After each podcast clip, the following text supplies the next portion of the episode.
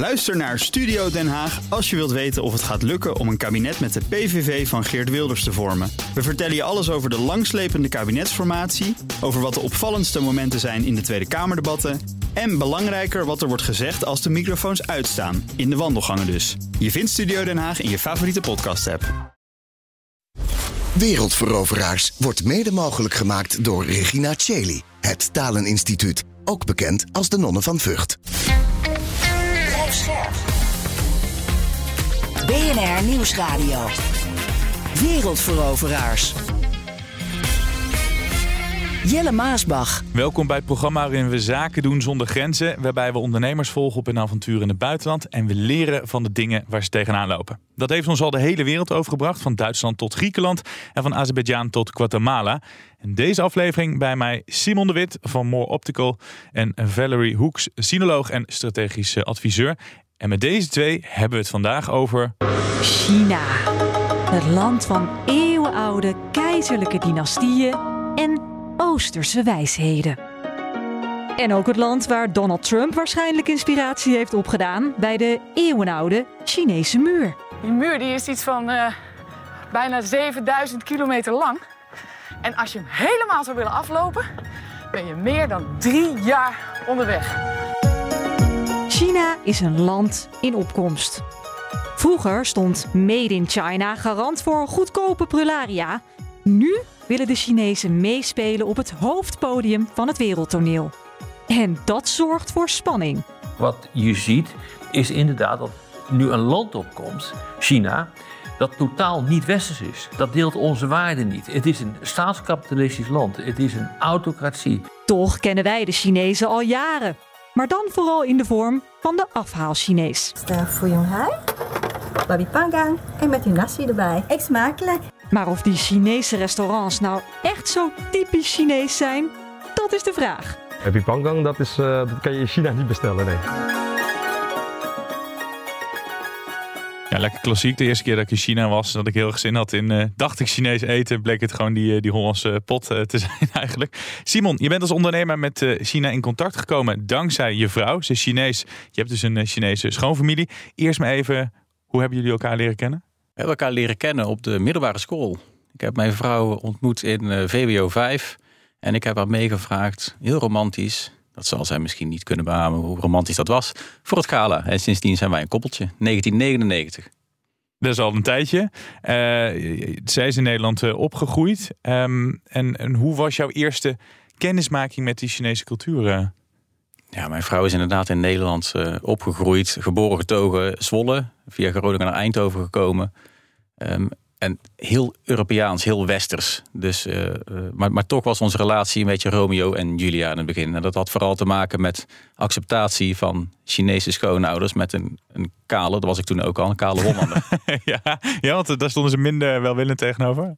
Ja, ik denk dat mijn schoonouders liever had gewild dat het een lange, knappe Chinese man had geweest van goede afkomst. dan een Nederlandse oud, een ijshockeyer in die tijd nog, uh, die een medische studie deed. Wat was het grootste verschil met de Chinese cultuur en, en, en de Nederlandse cultuur die jij dan weer gewend was? Ja, wij zijn natuurlijk heel vrij in denken. En uh, mijn schoonouders die accepteerden het na een, een aantal, uh, ja, aantal jaar toch wel. Uh, omdat ze zagen dat ik goed voor hun dochter was. Mm -hmm. maar zeker ook omdat ik een harde werker was. En dat ze toch wat wars waren van die Hollanders die eigenlijk van 9 tot 5, liever tot half 5 zouden werken. En misschien niet zo goed zouden zorgen voor het nageslacht. Ja, je hebt het over dat ze hard werkte. Ze hadden een restaurant, heb ik begrepen. Ja, wij hebben het restaurant uh, Greenhouse overgenomen in Eindhoven in 2008. En in 2000 zijn ze dat zelf begonnen. Maar allerlei omzwervingen door Nederland gemaakt. Uh, en daar geëindigd. En daar ben ik ook na mijn opleiding mee ingegaan. Hoe was het om in zo'n restaurant te werken? Ja, apart. Apart, omdat ik, ik werk natuurlijk aan de voorkant, hè, want je kan de keuken kun je niks. Ik werkte aan de voorkant en dat deed ik samen met mijn vrouw. En daar, uh, ja, daar, daar, geef je Hollandse gastvrijheid met een Brabants sausje eigenlijk. Hè? En, en, uh, maar, maar wel die Oosterse gastronomie. En dan kom je ook in een wereld terecht die met uh, autoriteit te maken heeft. Waarbij een oudere chef toch echt al meer te vertellen heeft dan een jongere chef. Mm -hmm. En dat was voor mij ook wel eens apart. Ik ben heel erg rechtlijnig. Ik kan heel makkelijk praten over dingen. Maar bij de Chinese eh, medewerkers die wij hadden, was dat niet altijd zo. Is het dan makkelijker dat je schoonfamilie Chinees is en dat je dan zo in een Chinees restaurant komt? Of maakt het het ook wat lastiger? Ligt er dan meer druk op? Ja en nee. Het, het makkelijker is het omdat je misschien sneller geaccepteerd wordt. Maar het lastige is ook dat wij zeker in een restaurant kwamen waar mijn schoonouders de scepter zwaaiden. Dus de, hun de baas waren. En in één keer kwamen daar eh, mijn vrouw, haar zusjes en ik als de nieuwe leiders in het restaurant. Ja. En dan moet je wel je positie kunnen veroveren. Valerie, het is bijna nog steeds een, een clichébeeld dat eh Chinese Nederlandse restaurant hebben. Maar voor veel is het nog steeds eh, de werkelijkheid. Hè? Ehm, ja, maar dat is echt dat beeld is wel veel genuanceerder nu hoor. Ehm, kijk, de eerste generaties die na de oorlog eh, naar Nederland kwamen, die begonnen vaak eh, in de horeca. Dus die hadden restaurants. Ehm, maar inmiddels hebben we het over de tweede, derde, soms al vierde, generatie. generatie, ja. En die mensen zijn volledig geïntegreerd. Ehm, hebben natuurlijk, eh, ja, net zoals eh, bij Simon, ehm, hebben gewoon thuis eh, Chinese ouders. En dat blijft vaak ook heel Chinees. Ze houden graag vast aan de tradities vanuit China. Ehm, maar ja, zijn hier geschoold, spreken vloeiend Nederlands, zijn volledig Nederlands. Ja, en ik had het net over die Chinese cultuur. Maar als je op een gegeven moment, zoals je net terecht zei, misschien al wel bij de vierde generatie aan bent beland, dan verandert dat misschien wel. Of is dat eh, te makkelijk gedacht en blijft die, eh, die cultuur wel? Nee, dat is, dat is eh, verandert zeker. Het hangt ook echt van het type gezin af. Ja. Ehm, en van hoe traditioneel de ouders zijn. Ehm, maar in mijn omgeving ehm, eh, zie ik eigenlijk wel dat ze volledig geïntegreerd zijn. En dat de ouders ook steeds meer loslaten. Ehm, en steeds meer vrijheid bieden aan hun eigen kinderen. Omdat ze ook zien van ja jongens, wij wonen nu hier. En hier ligt de toekomst van onze kinderen. Ja, Simon, in een eh, restaurant valt eh, genoeg te beleven. Niks te, na nadelen daarvan. Maar het is wel leuk voor dit programma. Toen maakte je een hele gekke sprong. Dus als horecaman ging je ineens voor je Chinese schoonfamilie brillen verkopen in Italië. Klinkt een beetje als een boek. Ja, nou, ja, het is ook eigenlijk wel apart. Hè. De corona heeft ons hard getroffen, maar zo ook de Chinese eh, business. Ja. Nichtje van mijn vrouw, die eh, hebben een, eh, een groot uh, optical bedrijf, optisch bedrijf met zowel leesbrillen als, als modebrillen. Maar zij kon het land niet uit. En ze- normaal zijn ze afhankelijk van beurzen waar ze komen in Italië, in, in Frankrijk, in Amerika. Maar omdat zij het land niet uit kon, hadden ze een probleem. De grootste beurs is de Silmo in Italië, Milaan. En wij hebben altijd gezegd, als er iets is, bel ons. We willen jullie altijd helpen. Niet eh, de verwachting gehad hebbende dat die ook zou komen. Eh, en ze hebben ons gevraagd om hen te ondersteunen op de beurs in Italië. En had jij verstand van brillen? Want ik, jij staat hier zonder bril eh, tegenover me. Ik sta zonder bril. Die heb ik af en toe wel eens nodig. Maar ik heb helemaal geen verstand van brillen. En mijn vrouw eigenlijk ook niet. Waar we wel verstand van hebben is, is gastvrijheid. En mensen ergens naartoe kunnen brengen op een bepaalde manier. Dus wij zijn eigenlijk als, als twee eh, nitwits naar de beurs gereden met de auto. We hebben daar een beursstand opgebouwd. Eh, we werden daar ontvangen door één medewerker van More Opticon. Die was namelijk net voordat het vliegveld dichtging in China, had hij het vliegtuig gepakt. En daar hebben wij een brillenbeurs gedraaid. Nou ja, wat, wat zijn dan de dingen die je kan vertellen aan mensen die jou bezoeken? Prijs, eh, kwaliteit. Wat verkoop ik nou eigenlijk? Hoe, hoe werkt zo'n bril? Nou ja, dan leer je heel snel. Ja, en dat die kleur iemand mooi staat. En dat dat montuur zijn eh, gezicht nog eh, beter uit laat eh, komen. Of hoeft hij dat allemaal niet te doen? Nou, daar heb ik gelukkig mijn vrouw voorbij. hè. Het, het, het mode, de mode daarachter. Maar het, het bizarre wat je dan wel tegenkomt. Er kwamen best wel veel Europese bedrijven daar. Ja. Die hier al zaken doen. Die ook al wel zaken gedaan hadden met, met More Optical. Ehm, maar die eigenlijk willen weten, wat, budgetlijnen willen op gaan tuigen, omdat ook voor hen corona hard, eh, hard kwam. Dat het topsegment wat lager naar beneden zakt. Dus die wilden allemaal een budgetlijn gaan, eh, gaan implementeren. En daar moesten wij op adviseren. En dan weet je niks. En dan is de ondoorzichtigheid van de Chinese sales rep is dan wel eens ingewikkeld. Ja, want wat was het meest ingewikkelde waar je tegenaan liep? Want ik neem aan dat jullie met z'n tweeën ook misschien nog wel hulp kregen van een andere ehm, Chinese verkoper. Waar liep je tegenaan in dat proces? We waren met z'n drietjes, dus ik kwam wel iemand helpen uit Ja. Italië. Maar die had ook geen enkel verstand van, van brillen, maar die kon wel Engels. Eh, eh, ja, en verder was het in gesprek gaan met mensen. Wat kom je, wat, wat kom je halen? Wat heb je nodig? Eh, en, en het belangrijkste waar wij tegenaan liepen was de prijs. Iemand die ziet een paar brillen, die testen de kwaliteit. En een, een, een opticien die weet gelijk wat hij in handen heeft. Ja. Kwaliteit was goed. Daar waren wij ook blij mee, want dat wisten we van tevoren natuurlijk ook niet. Eh, maar dan komt de prijs. En dan, wat kost die? Ja, eh, tussen de 3 en de 6 dollar. Oké, en hoeveel moeten we afnemen? Ja, eh, zes- 600.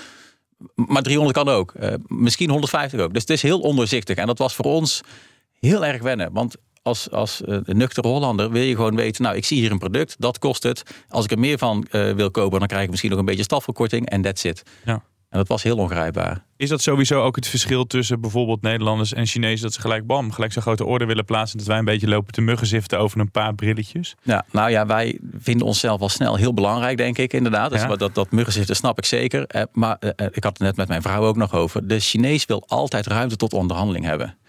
Dus als jij aan tafel gaat zitten, ja, we weten nog niet wie jij bent, dan noem ik een prijs die eigenlijk nergens op slaat. Maar dan heb ik in ieder geval nog een beetje ruimte om naar beneden te, te kunnen gaan.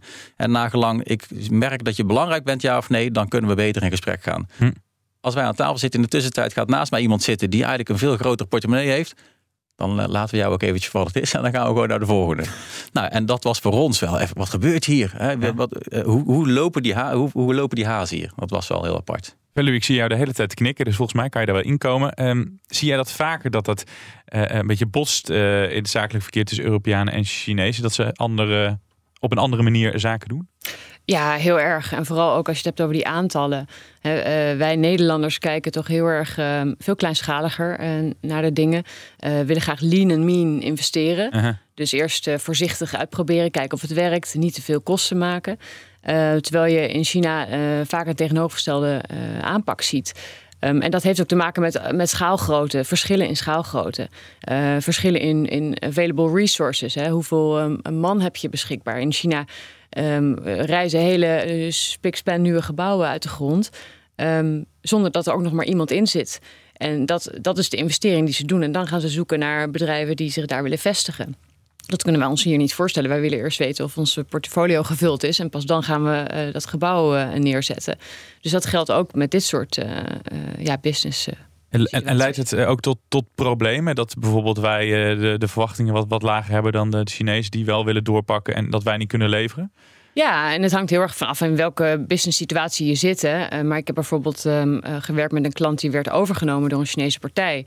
Um, en die zag enorme groeipotentie, waarvoor ook heel veel investering nodig was. En je merkte dat de Nederlandse stakeholders heel erg op de rem trapten. Van ja, jongens, allemaal leuk, maar ja. uh, die risico's, hoe gaan we die eerst afdekken? En de Chinezen zitten dan iets opportunistischer erin. En zeggen, jongens, uh, wat is het probleem? Zet op papier wat je nodig hebt en we kunnen gaan praten. Maar dat moesten ze expliciet benoemen. Want anders komt het niet in ons op dat er misschien gewoon zoveel geld beschikbaar is om die stap te kunnen zetten. Wat wel gek is, want we doen natuurlijk al honderden jaren handel uh, met elkaar. En dat we elkaar dan toch af en toe nog niet helemaal begrijpen. Doen wij wel genoeg moeite om de Chinezen te begrijpen, vraag me dan af. Nou, we doen honderden jaren uh, uh, zaken, maar echt vanuit ons eigen perspectief. Ja. Um, en wij Nederlanders uh, staan er bekend om, om onze handelsroutes en alles. We hebben natuurlijk super internationaal georiënteerd, maar we zijn wel heel Hollands. um, en de Chinezen hebben, zijn, eh, ja, wij al, nou, onze, onze manier van doen staat zo haaks op elkaar.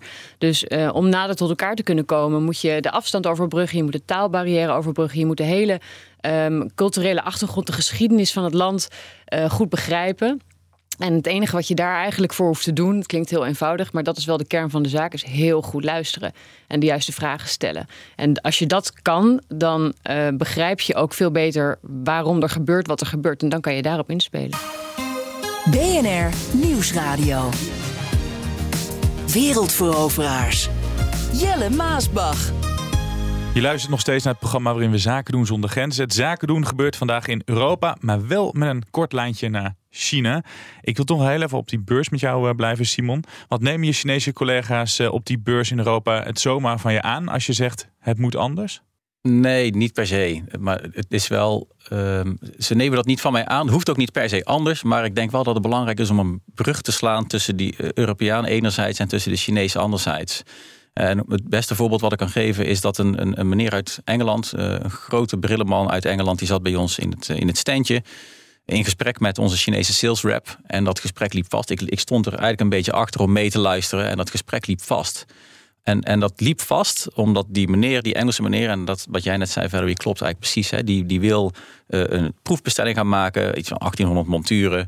Maar, uh, en daaruit voort kunnen dan meer orders gaan volgen.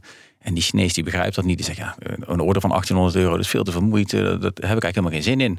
Maar uiteindelijk kan zo'n partij een hele belangrijke partner worden... als je die eerste bestelling goed doet. De kwaliteit is, het levert op tijd, de prijs is oké. en vervolgens gaat er een groeimodel aan vastzitten. Mhm. Waar de Chinese sales rep voor kijkt... wat steek ik hier nu aan moeite in? Wat haal ik er, uit omzet, eh, wat haal ik er aan omzet uit? En is dat nuttig genoeg? Nee, ik ga door naar de volgende. Nou, en wij als, als Europeaan zitten daar aan tafel en denken... ja, ik zie hier het belang van dit gesprek. Dit kan leiden tot veel meer uiteindelijk. Laten we tot zaken komen. En het begrip voor elkaar was daarin volledig weg. En als ik niet was ingestapt in het gesprek... dan had de partner uit Engeland weggelopen. Ja, en helpt het ook dat je meer denkt in hiërarchie? Dat is ook een ding wat ik altijd in wereldveroveraars voorbij hoor komen... dat sommige Nederlandse hiërarchie een beetje onderschatten. Ja, absoluut. Het, het, ook een mooi voorbeeld. Er was een, een Noorse grote klant die meer dan een miljoen brillen per jaar koopt. Eh, maar dat is de, de klant van iemand anders dan de sales rep die bij ons zat. Aha. Dus die meneer meldde zich bij de stand. En, nou, een hele joviale man. Dus wij gaan in gesprek. We geven hem wat koffie. Maar die sales rep gaf hem nul aandacht. Ik denk, hoe, hoe kan dit als dit zo'n grote klant is? Maar dat was dus de klant van iemand anders. En daar werd niet mee gesproken. Dat is bizar. Eh, als je het over hiërarchie hebt, dan kwam het daar echt tot uiting. Hoe uh, belangrijk is hiërarchie eigenlijk als je zaken doet in, in China? Belangrijk. Um, uh, het is de hele, en ik had het net over de geschiedenis van het land. Uh -huh. um, de hele manier waarop mensen zijn uh, opgevoed en opgegroeid en onderwezen, is in China een, op een andere manier. Um, en dat uit zich op allerlei manieren in, uh, in de samenwerking. Um, bij heel traditionele, uh, vaak staatsbedrijven, grote organisaties is dat nog veel meer op de voorgrond dan bijvoorbeeld bij de start-ups met veel jonger management. Maar ook daar is het, is het nog steeds voelbaar. Um, Bijvoorbeeld als je kijkt naar de manier waarop je met feedback uh, binnen de organisatie omgaat. Het is heel lastig om um, bottom-up feedback te geven. En vooral als het negatieve feedback is. Dus um, in zo'n geval, uh, stel dat er een, um, op, die, op die beurs dat er iemand rondloopt en die ziet die brillen. Um, en die heeft de opdracht gekregen om een orde te plaatsen. Maar die ontdekt eigenlijk dat hij niet uh, die orde kan plaatsen vanwege een defect of weet ik wat. Dan moet hij dat terugkoppelen aan zijn baas. Um, en dat, is, dat breng je zo iemand in een heel erg lastig pakket. Dus ja. dan gaat hij zich in allerlei bochten wringen uh, om maar niet negatief nieuws te hoeven brengen. Nou ja, en om dat ook weer te kunnen doorgronden, moet je dus heel veel vragen stellen en goed begrijpen hoe de hazen lopen. Um, en een vertrouwensband opbouwen met die mensen, zodat ze zich kunnen uiten. Cultuurclash. Nu het leukste onderdeel uh, van de uitzending. Simon, wat is het gekste dat jij hebt meegemaakt in de Chinese cultuur? Ja, ik heb een hele hoop gekke momenten en vooral ook uh, van die cringe momenten meegemaakt. Ook uh, tijdens onze bruiloft bijvoorbeeld. Hè, dan moest het bed gedekt worden, s ochtends vroeg om 4 uur 30, omdat dat volgens de, het boeddhisme een, een goed tijdstip was. Maar dat moest dan eigenlijk gebeuren door iemand die gelukkig getrouwd was. Uh, en als je die niet had, ja, dan weet je wat. Dan, we kunnen het ook wel anders doen. We zetten het bed gewoon een beetje scheef. En dan doen we het, uh, zetten we het wel recht. En begrafenis is het hetzelfde. Waar, waar uh, wij Nederlanders eer betuigen door bijvoorbeeld als het graf gaat zakken mee te kijken. omdat je, dat het moment is dat je echt afscheid neemt, zeggen de Chinezen: niet kijken, want de, de, de geesten, dat, dat kan slecht voor je zijn. Nou, zo zijn er echt honderd voorbeelden van onze bruiloften. Daar zijn 450 mensen geweest. Ik denk dat wij er ongeveer 100 gekend hebben van, uh, van de mensen. Maar dat was toch ook wel een, een moment voor mijn schoonouders om te laten zien hoe succesvol ze zijn geweest. Ja. Nou, om zomaar drie voorbeelden te geven. Nou, ik weet zeker dat jullie een uh, gelukkig huwelijk hebben. Want je vrouw die is mee. Die zit uh, mee te kijken vanuit de regieruimte. En ik heb uh, zelden iemand zo verliefd zien kijken. Dus dat hebben jullie goed voor elkaar in ieder geval. Valerie, heb jij nog een mooie cultuurclash? Um, ja, ik denk dat ik door de jaren heen heel veel clashes heb gehad. En inmiddels uh, gelukkig uh, beter weet hoe het moet. Hè. Daarom is dit ook mijn vak. Maar um, uh, een van de dingen die ik echt wel heel erg heb geleerd... is dat je op het moment dat er iets gebeurt... dat je eigenlijk niet heel primair moet reageren. Dus ik heb ook vaak meegemaakt dat ik bijvoorbeeld... Um, mijn collega de opdracht gaf van... goh, kijk even of persoon X mee kan werken aan dit onderzoek. Um, en dan de volgende ochtend checkte ik mijn mail... en dan zag ik eigenlijk een heel kort zinnetje van... ja, hij is niet bereid om mee te werken. En dan voelde ik mijn bloed druk stijgen. Van ja, mm -hmm. kan dit nou weer? Uh, heeft ze dit wel tactisch genoeg aangepakt? Um, is, ze, hè, is ze vasthoudend geweest? Ik doe het wel even zelf. En uh, dat je dan vervolgens met elkaar in gesprek zit aan de telefoon, want dat is dan de volgende stap, om te begrijpen wat er is gebeurd. En dan zit er een heel verhaal achter. Uh, veel genuanceerder dan je je maar kan bedenken. Met allerlei elementen waar je überhaupt niet over nadacht. En dat laat wel zien dat weer het punt wat ik in het begin maakte, hoe belangrijk het is om heel goed te luisteren voordat je ja, eigenlijk uh, conclusies trekt. Ja. Simon, we begonnen met dat je in een restaurant startte. Toen een, een brillenimperium uit de grond wilde. dan zou ik maar zeggen. Je bezig hield met brillen. Ik heb begrepen dat je nu met iets heel anders bezig bent. Klopt, ja. ja ik heb een, een vriend die groot is in loodaccu's. Maar wij zijn uh, de markt aan het onderzoeken uh, van de home batteries.